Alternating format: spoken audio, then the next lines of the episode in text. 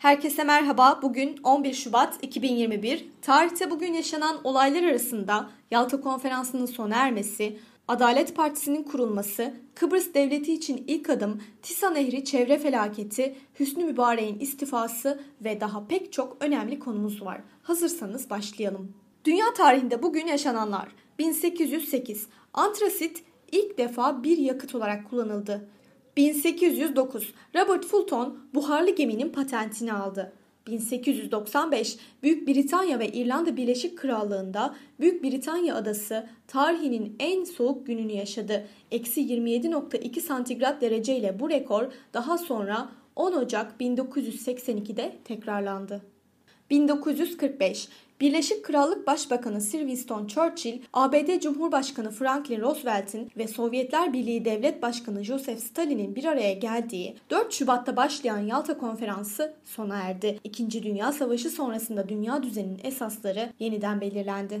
2000 Tisa Nehri'nde çevre felaketi yaşandı. 11 Şubat 2000 tarihinde Romanya'daki bir altın madeninden sızan siyanür Macaristan sınırından geçen Tisa Nehri'ne ulaştı. Siyanür sızıntısına maruz kalan Tisa Nehri'nde tam bir çevre felaketi yaşandı. Binlerce canlı hayatını kaybetti.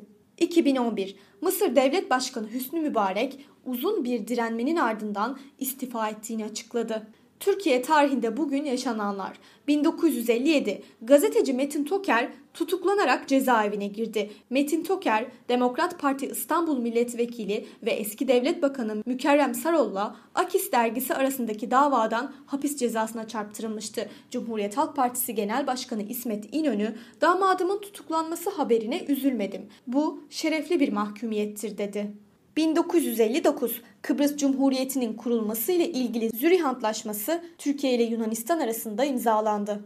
1961 Adalet Partisi kuruldu. 27 Mayıs askeri darbesi sonrasında Demokrat Parti kapatılmış ve yöneticilerinin birçoğu Yassıada'da yargılanmıştı. Demokrat Parti'nin kapatılması üzerine bu görüşte olan bir kısmı eski Demokrat Partililerin oluşturduğu bir grup 11 Şubat 1961'de Adalet Partisi'ni kurdular. Kendilerini Demokrat Parti'nin devamı olarak nitelendirilen bu partinin ilk genel başkanı emekli general Ragıp Gümüşpala'dır. Genel Başkan Ragıp Gümüşpala'nın 1964 yılında vefatı üzerine genel başkanlığa Süleyman Demirel getirilmiştir. 1965 Yeni Adana gazetesi Dünya Basın Başarı Ödülünü kazandı. 2015 Üniversite öğrencisi Özgecan Aslan tecavüze uğrayarak öldürüldü. Olay Türkiye'de kadın hakları eylemlerine dönüştü. Bugün doğanlar 1943 Fransız şarkıcı Serge Lama dünyaya geldi. 1956 Türk komedyen, sinema ve tiyatro oyuncusu Oya Başar doğdu. Bugün ölenler 1884 Osmanlı devlet adamı Cenanizade Mehmet Kadri Paşa vefat etti. 1970 Türk asker ve siyasetçi Tahsin Yazıcı hayatını kaybetti. Bugünkü bültenimizi de burada sonlandırıyoruz. Programımızda tarihte gerçekleşen önemli olayları ele aldık. Yarın tarihte neler olduğunu merak ediyorsanız bizi dinlemeyi unutmayın. Yarın görüşmek üzere.